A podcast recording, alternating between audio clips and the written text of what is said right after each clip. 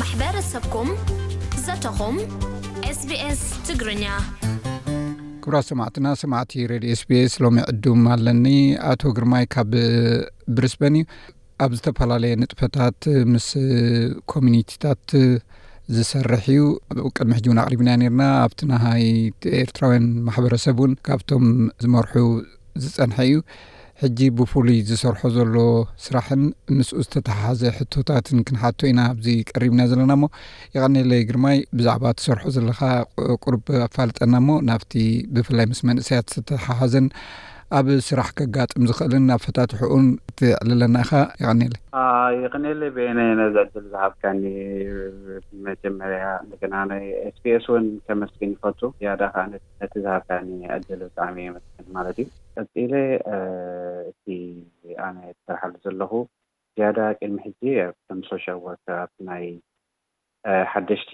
መጻእቲ ዝተፈላለዩ ኦርጋናይዘሽን ይሰርሕ ኔረ ሕጂ ዘለኹዎ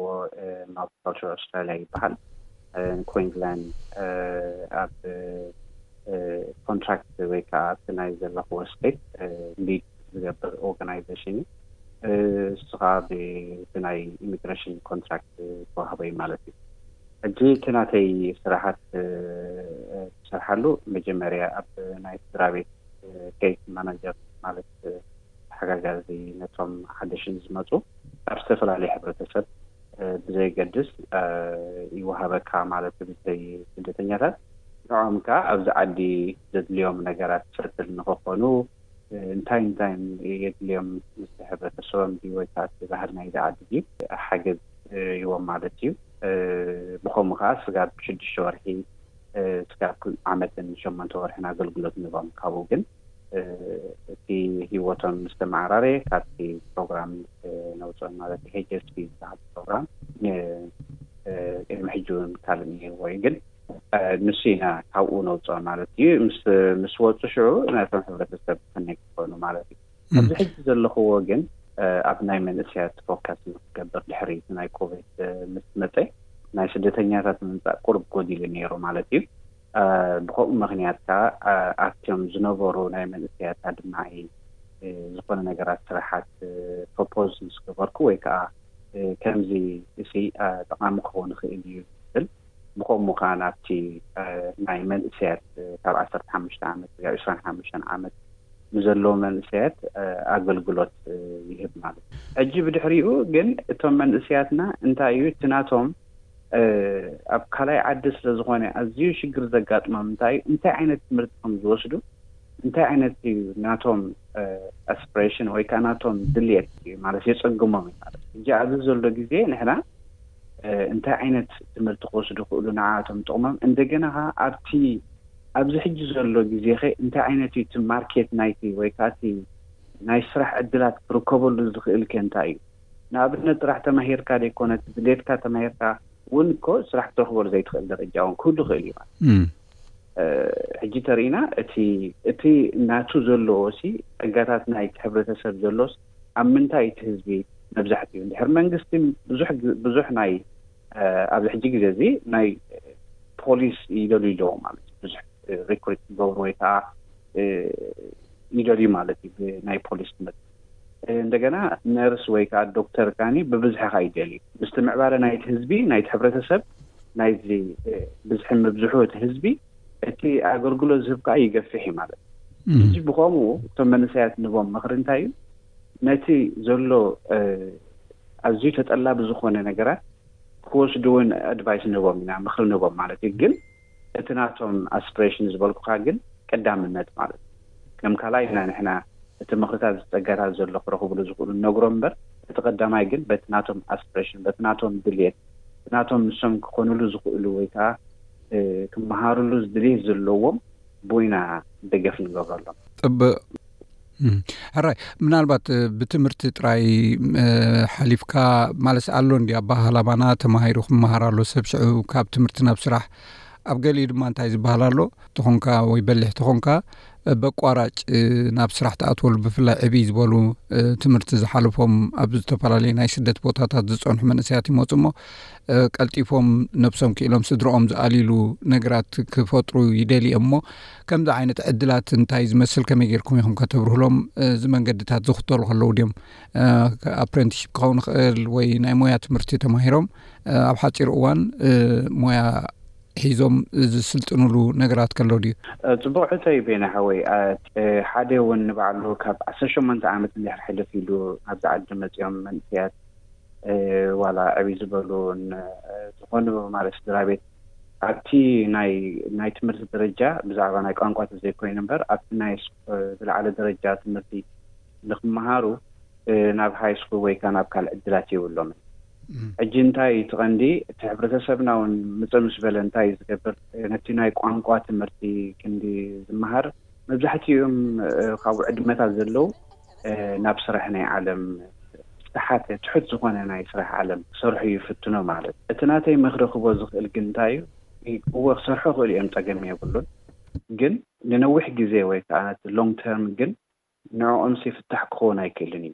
ኣብዚ ዓዲሲ እቲ ናይ ዕድላት ናይ ትምህርቲ ኣሎ ማለት እቲ ዕድላት ናይ ስራሕ ውን ኣሎ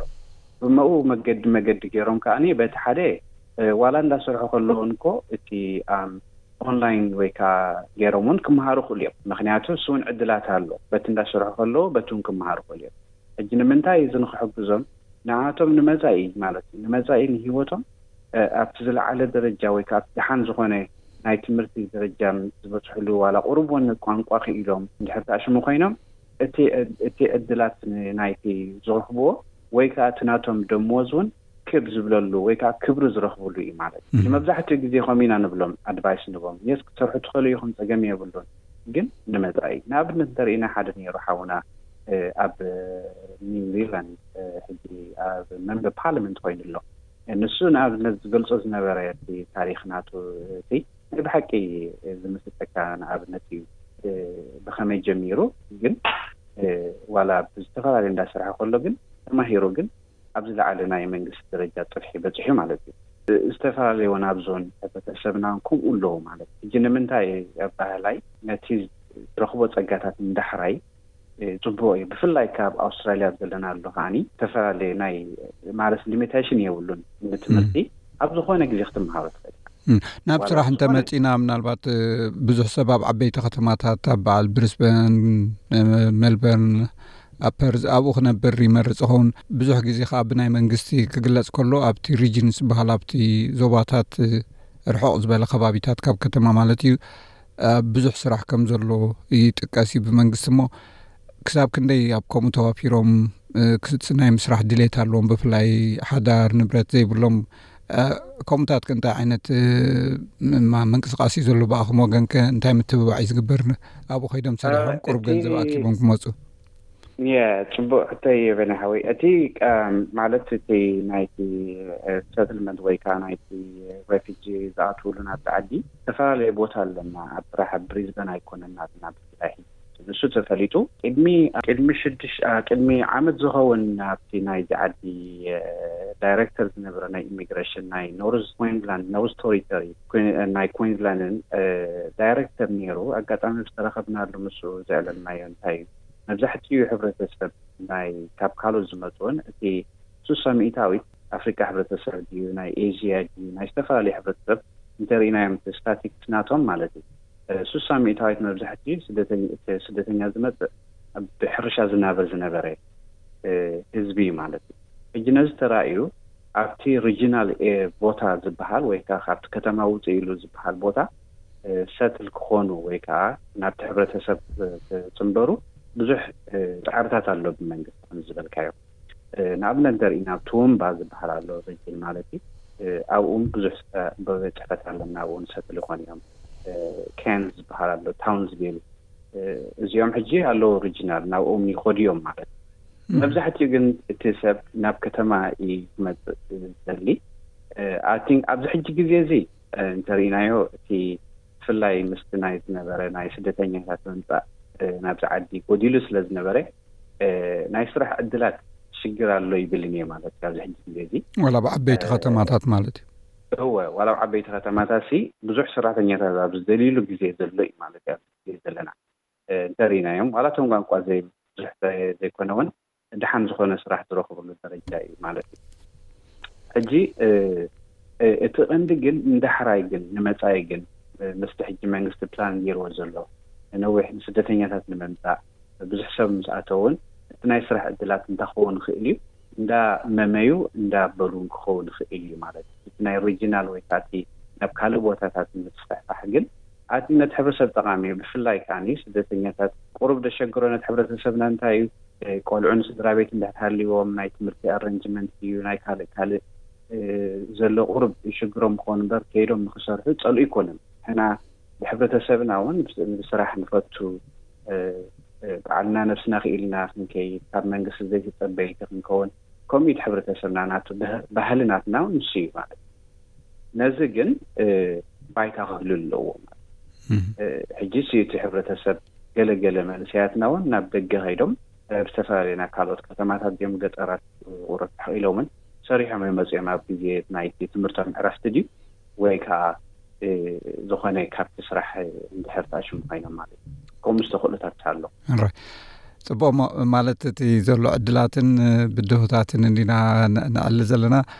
ናይ መወዳእታ ሕቶይ ክትከውን እያ ምናልባት ሕጂ ኣብዚ እዋን እዚ እንታይ እዩ እቲ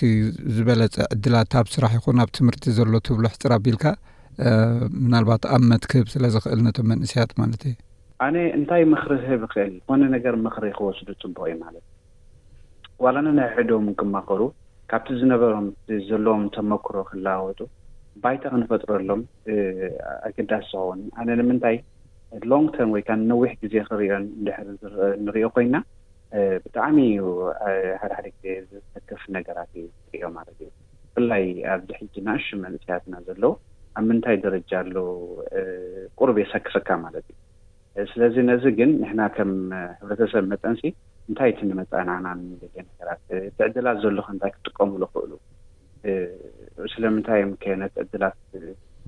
ክንሕግዞም ዘይንኽእል ነቲ ዕድላት ክጥቀሙሉ ዝኽእሉ? ዝተፈላለያ ማሕበራት ኣለዋ መንግስቲ ሓገዝ ዝተዋህበን። ነቲ ዕድላታት ዘለወን ማለት እዩ። ንዕኡ ግን